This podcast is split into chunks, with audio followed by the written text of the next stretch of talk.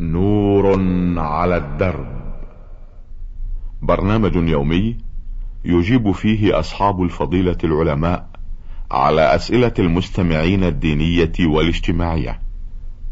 البرنامج من تقديم وتنفيذ سليمان محمد الشبانة.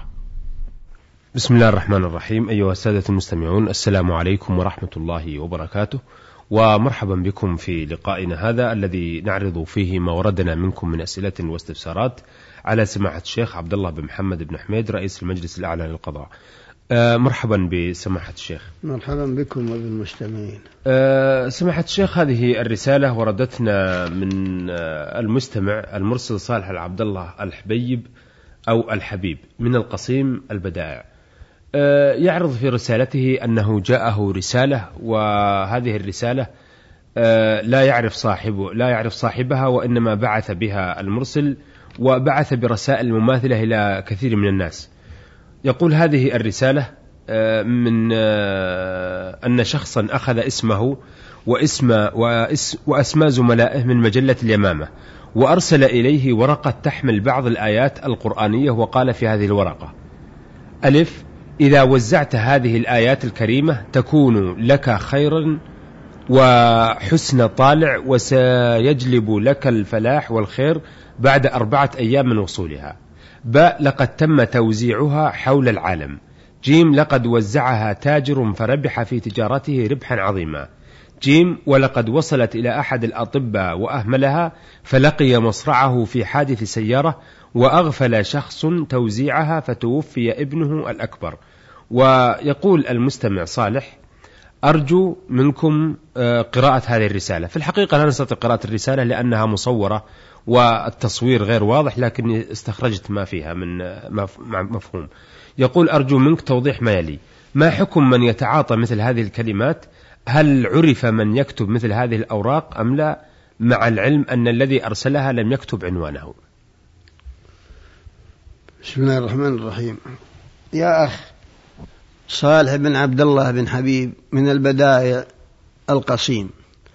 تقول إنه وردك رسالة من شخص لم يسم اسمه وقد عممها على كثير من الناس وأنه ذكر في رسالته آيات قرآنية وأشياء أخرى وقال إن من قرأها وعم فإنه يعطى كذا ويربح في تجارته ويصيب خير بعد أربعة أيام وأن طبيبا أخذها وأغفلها أنه مات في حادث سيارة وأن شخصا لم يلتفت إليها مات ابنه الأكبر. يا أخ صالح هذه من الخرافات التي هي من أضاليل الخرافيين. القرآن نزل شفاء وهدى ورحمة وبرهان ونجاة من النار ووصول ودعوة إلى الجنة. لم ينزل للتجارة ولا للطبيب ولا لغير ذلك بحيث ينجو من حادث. فهذه كلها لا أصل لها. أما القرآن لا شك أنه شفاء للقلوب وهو أيضا شفاء للأبدان.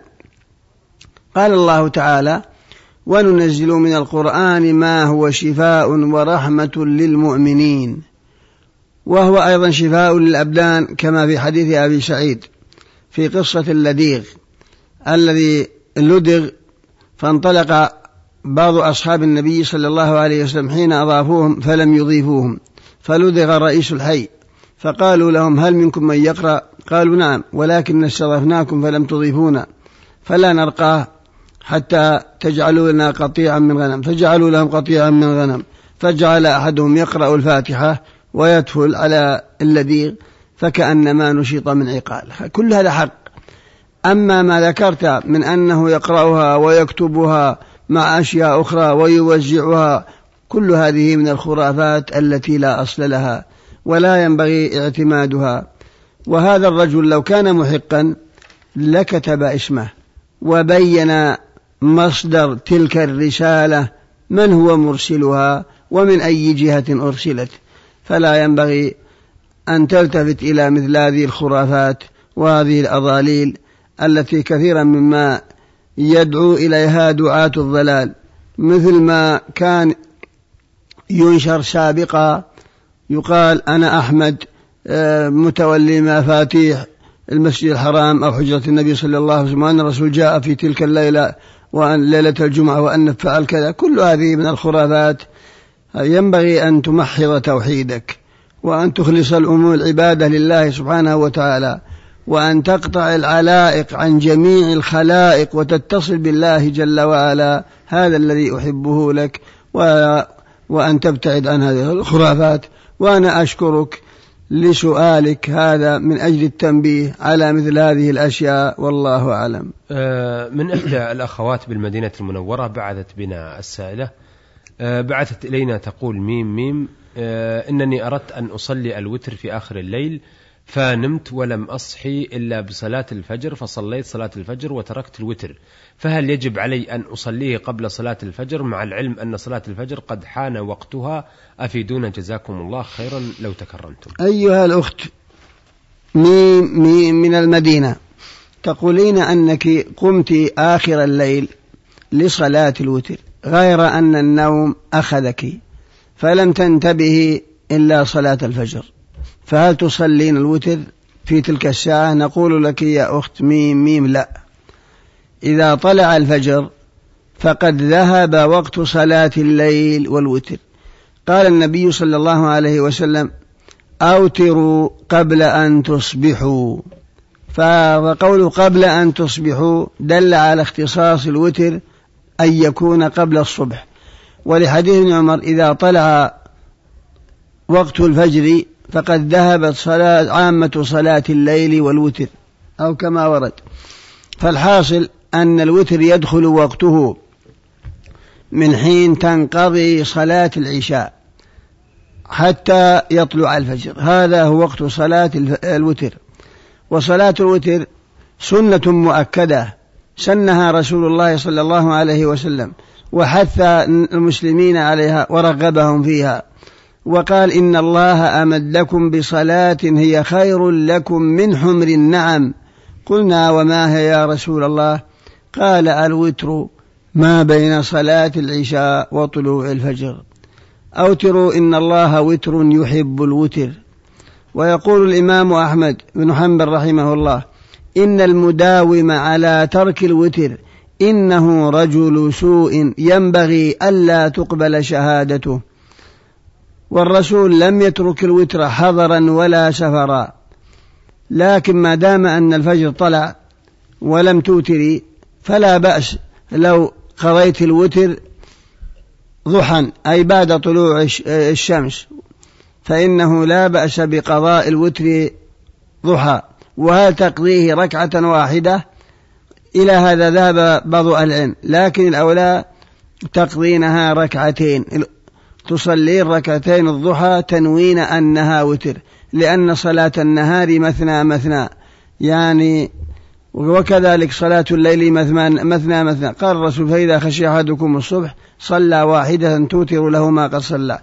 الحاصل أن صلاة الوتر سنة فإذا فاتت فينبغي قضاؤها في النهار في الضحى وتقضى بصفتها أم تقضى ركعتين شفعا فيه خلاف لكن الأولى أنك تصلين ركعتين تنوين أنها قضاء للوتر والله أعلم. آه، أحسنت. هذه رسالة وردتنا أيضا من المستمعة المرسلة ميم الكعبي بالرياض. تقول ميم الكعبي بالرياض هل يصح أن نطلق كلمة الخلق على الأشياء التي يضعها الإنسان؟ كأن نقول خلق الإنسان طائرة أو سيارة وكما هو معروف أن الخلق لله تعالى وحده. أفيدونا وفقكم الله. يا أخت ميم الكعبية تقولين من الرياض تقولين هل يجوز إطلاق الخلق على المخلوق؟ أي بأن يقال خلق سيارة خلق لا ينبغي هذا لله وحده لكن من الناحية اللغوية جائز. لأن معنى خلق بمعنى صنع. فتقولين خلق هذه السيارة بمعنى أنه صنعها وركبها خلق هذه هذا الشيء بمعنى صنع خلق هذا الباب بمعنى صنع النجار. فلكن تأدبا الأولى ألا يقال إلا لله. ولكن لو قال إنسان عالم بمعناه وأنه يريد الصناعة لأن المخلوق يصنع الباب ويصنع السيارة بمعنى يركبها ويركب أجزاءها فهذا لا بأس به. إلا أنه ينبغي ألا يقال فلان خلق كذا. بل هذا الخلق لله. هذا خلق الله فأروني ماذا خلق الذين من دونه بل الظالمون في ضلال مبين. وقد عرفت أنه يجوز إطلاق الخلق على الصناعة لغة. يقال فلان صنع هذا الباب بمعنى خلقه فالخلق يطلق ويراد به الصناعة والله أعلم. آه، أيضا تقول المرسلة ميم الكعبي بالرياض هل فضل صلاة المرأة في جماعة من النسوة في فضل درجة الرجل أم لا؟ تقولين هل تصلي المرأة جماعة؟ نعم لا بأس إذا حصل نساء وصلينا جماعة كما في خبر أم ورقة فإنها استأذنت النبي صلى الله عليه وسلم أن تؤم أهل دارها وإن صلت منفردة فلا مانع لأن الجماعة لا تجب على النساء إنما الجماعة واجبة على الرجال. فلو صلى الرجل منفردا بلا عذر فإنه يأثم. أما المرأة لو صلت منفردة بلا عذر فلا بأس في حقها وإن صلتها جماعة مع أخوات الله فلا حرج إن شاء الله. نعم. آه، أيضا تقول أنا فتاة متحجبة ويدخل إلى منزلنا رجل يقولون أهلي إنه في منزلة والدي. ونسلم عليه ويجلس بيننا مع التحجب. هل يعتبر هذا آه، حرام في نظر الشريعة الإسلامية أم آه، مع العلم أنه في بعض المناسبات يقبل أو على رأسه أو نقبل على رأسه مثل والدي فما رأيكم في هذا؟ أفيدونا جزاكم الله ألف خير. تقولين أن رجلا أجنبيا يدخل عليكم وأنك تقابلين إلا أنك متحجبة وتجلسين معه. لا بأس إذا كان حضر معك أحد فإنه لا يجوز أن, تخلو أن يخلو بك وحدك. لأن رسول الله صلى الله عليه وسلم يقول لا يخلون رجل بامرأة إلا وثالثهما الشيطان فإذا كنت متحجبة متسترة ومعك أبوك أو أخوك أو أحد من الناس من النساء فلا, فلا حرج إن شاء الله. أما تقبيلك لرأسه فلا داعي. فلا ينبغي أن تقبلي رأسه بل كلميه من بعد إذا جرت العادة أنه يغشاكم ويأتيكم ويزوركم فلا مانع من مقابلته بعد أن تقابلي متحجبة بحضرة غيرك وألا يخلو بك ولا ينبغي أن تقبل أن تقبلي رأسه ما دام أنه ليس لك بمحرم نعم. آه هذه الرسالة وردت من آه الأخوة رزق الله علي مسفر الثقفي وحسين عابد عمري الثقفي وعوض عمر دخيل الثقفي. يقولون في رسالتهم هذه آه أصحاب الفضيلة العلماء السلام عليكم ورحمة الله وبركاته. نريد من فضيلتكم أن تخبرونا عن سؤالنا هذا. إذا كان في أي عضو من جسم الإنسان ضرر مغطى بشيء يمنع وصول الماء إلى بشرة في أثناء الوضوء. فهل يصح الوضوء بالماء أو التيمم؟ أفيدونا. جزاكم الله خير الجزاء.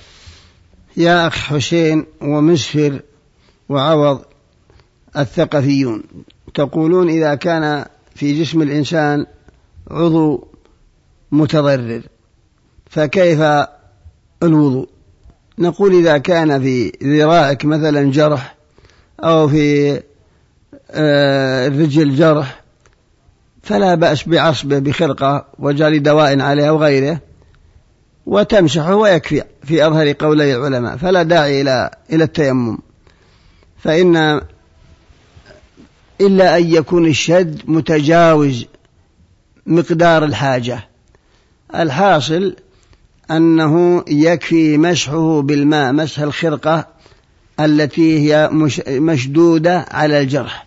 فإذا مسحت عليه كفى إن شاء الله. أما الحنابلة فيرون الجمع بين التيمم والمسح. لا بد من التيمم مع المسح. واختيار شيخ الإسلام ابن تيمية أن المسح كافي فلا داعي للتيمم وهذا القول هو أظهر دليلا إن شاء الله فالمسح كافي. ما دام أنك تمسح ببلل الماء على نفس الخلقة المشدود بها ذلك الجرح. والله أعلم. آه هذه الرسالة وردتنا من المدينة المنورة من عبد الله عبد الإله. يقول فيها آه نسأل أن بعض الناس يزيل شعر عن الوجه بصفة دائمة. بل وكل يوم وإزالة الشعر فيه بإزالة سيمياء آه، الإنسان أو الصالحين من الناس والرجولة. وإذا تكلمنا معهم قالوا الإيمان في القلب. وهذا شعر نزيله وينبت وسواء لنا هل هم على صواب وما حكم إزالة شعر الوجه؟ أجيبونا لعلنا نسمع ونعرف الحق ونستجيب وفقكم الله. يا أخ عبد الله عبد الإله من المدينة تقول إن بعض الناس كل يوم يزيل الشعر الذي في وجهه كأنك تشير إلى اللحية وأنه يحلقها وأنك متى نصعت؟ قال الإيمان في القلب. هذا خطأ منه. لو كان الإيمان نعم الإيمان في القلب لكن ثمرات الإيمان تظهر على الجوارح. إذا اترك الفرائض وقل الإيمان في القلب. الإيمان لو كان وقر في القلب صحيح لعملت الجوارح وظهرت آثار الإيمان على الجوارح فحلقك للحيتك دليل على ضعف الإيمان في قلبك. دليل على ضعف الإيمان في القلب في القلب. وإلا معلوم أن الإيمان في القلب لكن نتائجه وثمراته تظهر على الجوارح. أما بالنسبة لحلق اللحية كما هو ظاهر سؤالك نقول لك بكل أسف وبكل مرارة أن اللحية عاداها كثير من المسلمين وقلدوا الأمم الغربية وهكذا شأن الأمم الضعيفة تقلد الأمم القوية حتى فيما يخالف دينها وحتى ما يخالف قرآنها وما جاء به نبيها مع الأسف. فاللحية يحرم حلقها كما قاله شيخ الإسلام ابن تيمية والإمام ابن حزم فقد حكوا لإجماع إجماع أهل العلم على تحريم حلق اللحية. مستندين على أحاديث كثيرة منها قوله صلى الله عليه وسلم حفوا الشوارب وأعفوا اللحى خالفوا المشركين خالفوا المجوس خالفوا النصارى خالفوا اليهود وفروا اللحى أعفوا اللحى أرخوا اللحى إلى غير ذلك. من الأحاديث الكثيرة التي تتضمن وجوب إعفاء اللحية وأنه لا يجوز للرجل أن يحلقها وأنه متى حلقها يكون مخالفا لرسول الله صلى الله عليه وسلم وموافقا للمشركين في حلق لحاهم وموافقا لليهود والنصارى والمجوس. فلا يجوز لك أن تحلق اللحية. وقد ذكر العلماء لو أن إنسانا جنى على لحيتك وحتى شعرها ولم تنبت مرة أخرى ففيها مئة من الإبل. أشبه ما لو قطع رقبتك سواء بسواء. فإزالة حلق فإزالة شعر اللحية في الوقت الذي لا تنبت فيه بسبب هذه الإزالة من جناية أو دواء أو ما أشبه ذلك فحكم حكم القتل. هذا يدلك على تعظيم الشريعة للحية وأن جعل ديتها كدية الرجل كاملة مئة من الإبل. فصار الناس يعادونها. ذكر العلماء أن قيس بن سعد رضي الله عنه أحد زعماء الأنصار كان أثط اللحية يعني أمرد لم ينبت له لحية. خلقة قالت الأنصار نعم السيد قيس لبطولته وشهامته وشجاعته وكرمه. قالت نعم السيد قيس إلا أنه لا لحية له. والله لو كانت اللحية تشترى بالدراهم لاشترينا له لحية حتى يكمل رجلا. لعلمهم أن من حلق لحيته صار مشابها لأخته. وفيه شيء من الأنوثية. فلا يجوز حلق اللحية. وقد ذكر الإمام القرطبي في تفسيره على قوله تعالى ولقد كرمنا بني آدم وحملناهم في البر والبحر قال إنه قيل إن من تكرمة الله لبني آدم أن جعل لهم اللحى وأمرهم بتربيتها وإعفائها ومن كرم الله للنساء أن جعل لهن الذوائب. فاللحية كرامة من الله للآدمي كما أشار إليه القرطبي في تفسيره على هذه الآية والله أعلم. أحسنتم مثابكم الله. أيها السادة إلى هنا نأتي على نهاية لقائنا هذا الذي استضفنا فيه آه، سماحة الشيخ عبد الله بن محمد بن حميد رئيس المجلس الأعلى للقضاء وعرضنا على سماحته أسئلة السادة الصالح العبد الله الحبيب من القصيم من البدائع والمرسلة ميم ميم من المدينة المنورة وتسأل عن عدم الإتيان بالوتر والمرسلة ميم الكعبي من الرياض وتسأل عن عدة أسئلة. ورزق الله علي مسفر الثقفي وحسين عابد عمر الثقفي وعوض عمر دخيل, دخيل الثقفي. وأخيرا عبد الله عبد الإله من المدينة المنورة. شكرا لسماحة الشيخ وشكرا لكم أيها الأخوة. وإلى أن نلتقي بحضراتكم إن شاء الله تعالى. نستودعكم الله والسلام عليكم ورحمة الله وبركاته. نور على الدرب.